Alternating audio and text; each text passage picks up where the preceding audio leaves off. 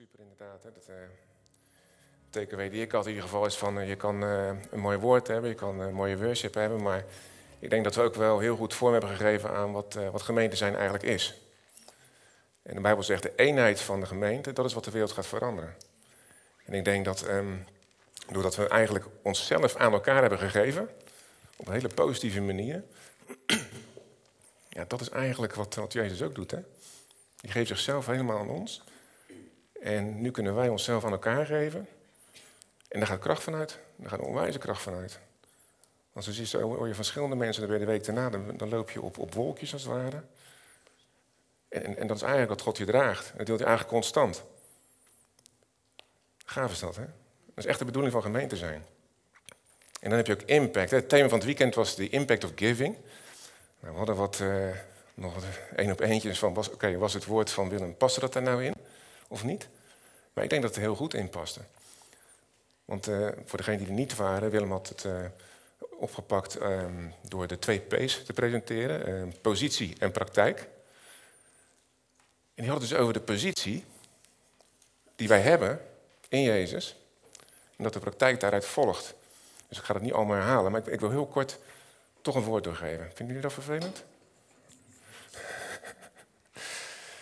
um, oh, fantastisch. Jezus kent je hart en houdt toch van je. Nee, hoeft niet. Um, ik moest er namelijk aan denken, want ik had uh, tegen Jan ook gezegd... we gaan alleen uh, op het weekend uh, terugkomen. Maar um, het is toch goed denk ik, om een stukje woord te doen... maar ook omdat ik het op mijn hart kreeg. Want ik moest namelijk aan, aan Paulus denken en, en, de impact of giving... Um, Paulus die, die, die gaf heel zijn hart met wat hij deed. Voordat hij Jezus kende. En dat hele grote impact. En ik wil een stukje overlezen. Er staat in de handelingen. Dat is de eerste sheet.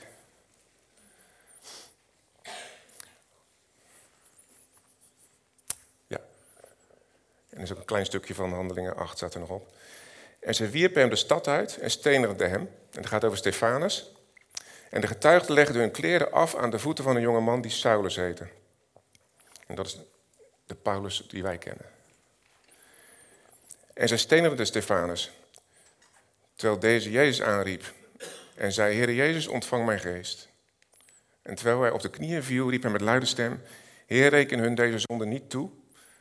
En toen hij dat gezegd had, ontsliep hij. En het volgende hoofdstuk gaat dan verder. En Saulus stemde in met zijn dood. En er ontstond op die dag een grote vervolging tegen de gemeente die in Jeruzalem was. Dus Saulus was een jodenvervolger, een wetsgeleerde, een man van aanzien. En die stemde in met deze executie. En dat stemde in, dat ging verder als van, ja, uh, jammer of vooruit, het moet maar. Hij ging er vol met zijn hele hart in. Met zijn volle gevoel, zijn volle emoties ging hij erin. En dat stemde in, er staat zelfs in de grondtekst dat hij zich bevoorrecht voelde dat hij de dingen mocht doen die hij deed. Kan je voorstellen? Mensen vervolgen, mensen vermoorden. Maar zijn gevoel, zijn emotie, die waren in sync met wat hij deed. Dacht hij. Kan je je dat voorstellen? Ik, ik, ik, was er heel. Maar dat is de positie waar, waar Paulus zich in bevond. Zijn positie was een vooraanstaande Jodenvervolger. Ik zou zeggen een natie, maar het is eigenlijk nog erger, want hij vervolgde eigenlijk zijn eigen mensen. Zijn eigen volk, notabene. NSB plus, zeg maar.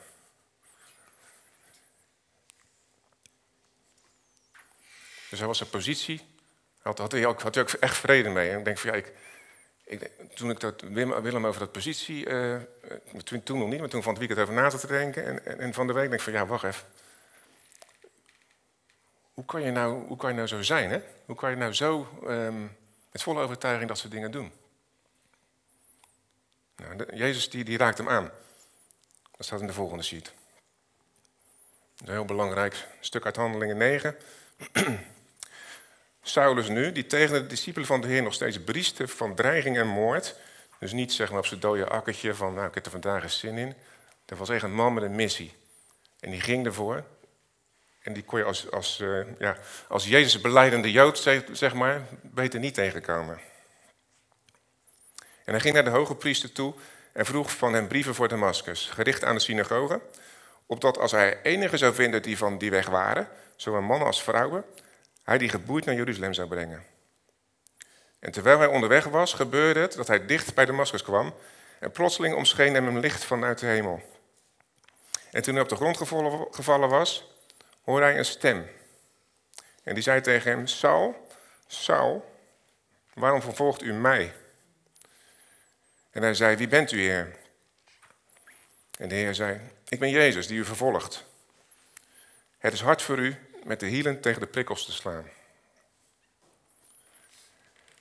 Wat staat daar nou weer? Wat dat weer? Hier staat wel zoveel in. Want wat, waar ik altijd bij getriggerd werd, was dat Jezus zegt van waarom vervolg je mij? Dus Paulus volgt de Joden. En Jezus begint, waarom vervolg je mij?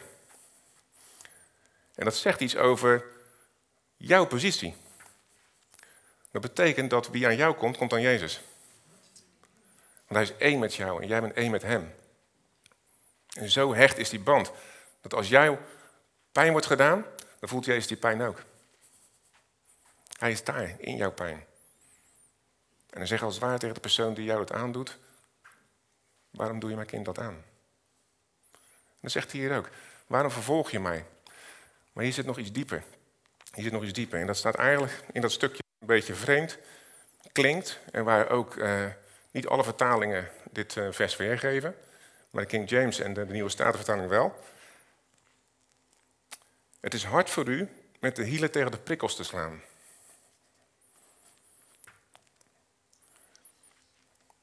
Dat gaat eigenlijk over ehm, dat Paulus gewoon oordeel in zijn leven had. Paulus had een pijn in zijn leven. En de parallel dat ging over, over lastdieren. Lastdieren die in een span stonden, die kregen dan op de falie om uh, voortgang te maken. En die sloegen dan met de achterpoten tegen het gestel aan. En dat deed heel veel pijn. Omdat ze zich eigenlijk verzetten tegen dat, de weg die ze moesten gaan. En wat Paulus eigenlijk deed. De naam Paulus, weet jullie dat? Of Saulus toen nog. De naam Saulus is desired. Gewenst. Hij was gewenst van de moederschoot, zegt hij ook later zelf.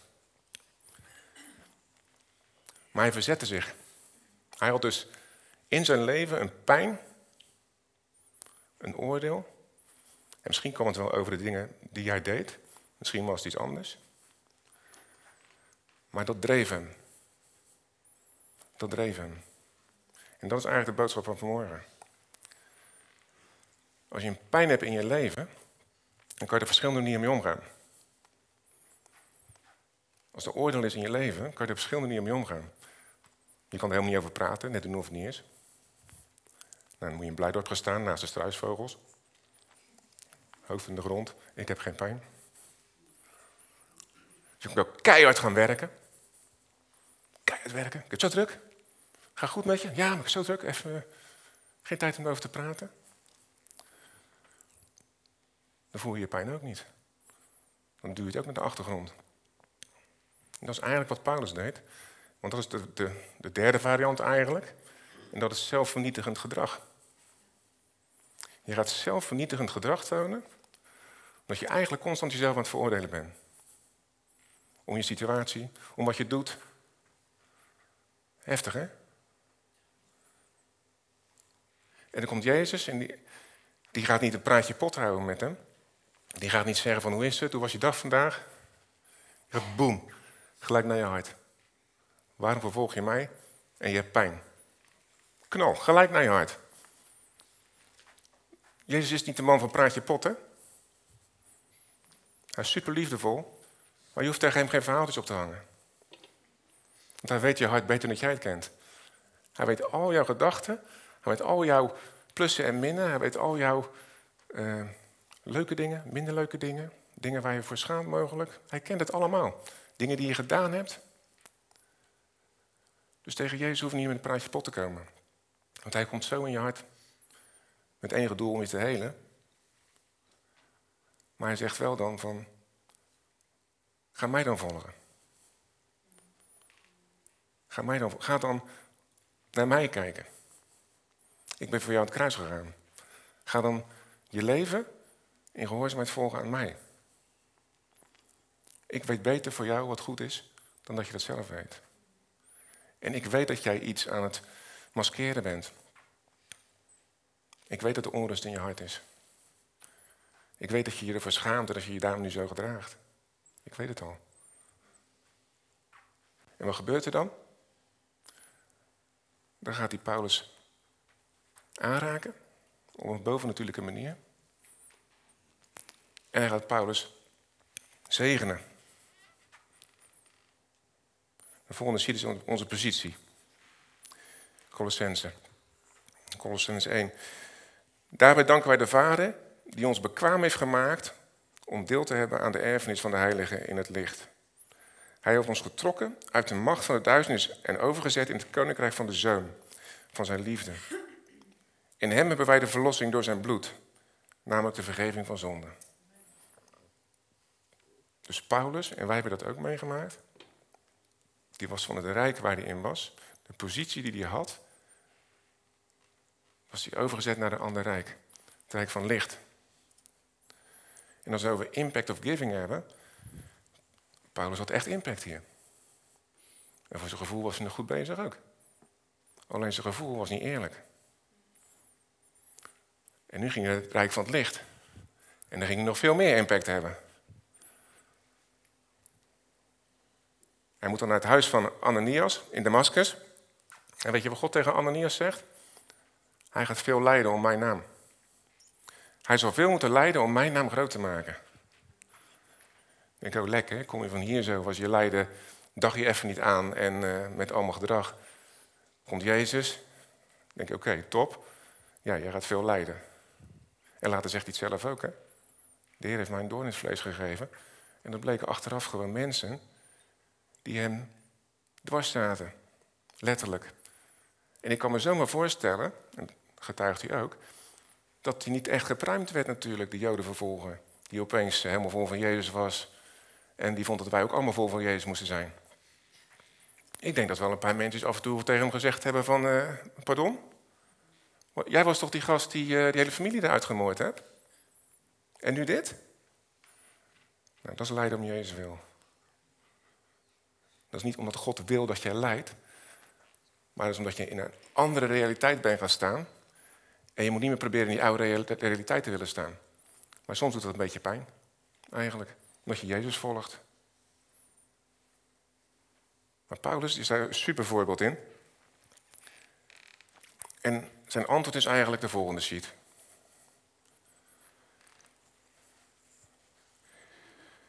...2 Corinthians 2, een stukje en 1 Corinthians 4. Want ik had mij voorgenomen niets anders onder u te weten dan Jezus Christus en die gekruisigd. Om het maar simpel te houden. En dan in 1 Corinthië 4. Laat ieder mens ons zo beschouwen, namelijk als dienaren van Christus en beheerders, beheerders van de geheimnissen van God. En verder wordt van de beheerders verlangd dat ze betrouwbaar blijken.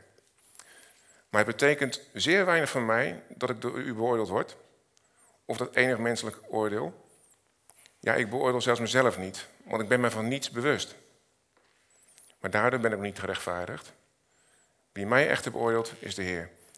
En oordeel daarom niet voor de tijd tot totdat de Heer terugkomt.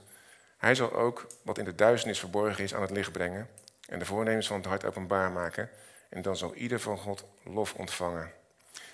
Ik ben mij van niets bewust, staat in vers 4. Kan je je voorstellen? Van mensenmoordenaar naar ik ben mij van geen kwaad bewust. Zo had hij de liefde van God in zijn hart ontvangen. Zo vrij was hij door te bouwen op de liefde van Jezus, op de vrijpleiting van Jezus, op het offer van Jezus. En zo kon hij uiteindelijk, ja, we hebben natuurlijk hele, uh, hoe heet het, sessies om met je problemen te dealen. Maar dat was het, dat was de sessie. Ik ontvang de genade. Ik ontvang de vrijpleiting. Waarom ik zeg, je hebt geen pil nodig, je hebt de gospel nodig. Gospel nodig. Ja? Geen veroordeling, hè? Maar het is wel heel belangrijk, want je ziet dat je emoties dus, zelfs als kind van God, kunnen je, als God, kind van God, kunnen je emoties je bedriegen. En je emoties zijn van God gegeven, maar ze moeten wel in lijn komen met Hem, met Zijn genade. Want anders ben je een, een, eh, een blinde geleiderraket, zeg maar, zonder sturing. Gaat alle kanten op. Komt nooit waar hij moet zijn, Maar waar die komt, brengt gericht is wel schade aan. Toch? Als die landt. Volgende, alsjeblieft. Ja. Impact of giving. dus impact of giving is je positie weten die je in Jezus hebt. Maar ook vanuit die positie handelen. En handelen vertalen wij altijd, wat gaan we doen, wat gaan we doen, wat gaan we doen? Nee, handelen is zijn genade ontvangen in je hart. En van daaruit gaan leven. En dan zie je wel wat er gebeurt. Want hadden we met de kringen het ook over. God is in jou. Jezus is in jou. En jij bent een kind van het licht. Waar God niet in de harten is, dat zijn kinderen van de duisternis. Zo simpel is het eigenlijk. Er is geen, heb ik al eerder gezegd, er is geen tussengebied. Dus als jij binnenkomt, dan gebeurt er iets in de geestelijke wereld. Want jij bent namelijk gemaakt om impact te hebben in de geestelijke wereld. En dat is de dingen die we niet zien, zijn dat. Maar daar is wel jouw, uh, jouw werkgebied. Daar is je werkgebied. En daar mag je door laten leiden wat je ontvangt van de Heer. En besef dat het soms ja, wat raar kan lopen. Van hele positieve tot dingen dat je denkt van, wow, wat gebeurt hier? Maar probeer het altijd weer terug te vertalen, vertalen naar wat er in je hart is. Wat je zeker weet. We zijn gemaakt om impact te, te hebben. Ik denk dat de laatste, volgende laatste sheet is. De laatste sheet. Hij zegt ook Paulus door in, die uh, gedeelte in Corinthians van uh, wat ik over mezelf denk of wat jullie over mij denken, dat maakt mij niet rechtvaardig. En dan zegt hij nadat hij zegt van ik ben me van niets bewust. Maar dit maakt mij rechtvaardig. 2 Corinthians 5. Want hem die geen zonde gekend heeft, heeft hij voor ons tot zonde gemaakt. Opdat wij zouden worden gerechtigheid van God in hem. Mag de muziek, die mag wel uh, het podium op. In de Romeinen 8 staat... En hen die er van tevoren toe bestemd heeft... En dat gaat over ons mensen, dat gaat over onze kinderen van God. Wij zijn bestemd, we zijn geroepen, we zijn gerechtvaardigd... En hij heeft ons verheerlijkt. En dat is de positie van waaruit wij moeten opereren. Wij moeten niet proberen zoveel mogelijk op de wereld te lijken om dan aantrekkelijk te worden voor de wereld. Dat is ook een manier, maar ik denk niet dat dat de manier is. De manier is Jezus verkondigen. De dwaasheid van het evangelie. Dat is wat de wereld gaat veranderen. Word niet gelijkvormig aan de wereld, staat er in het woord. Maar volg mij. Amen.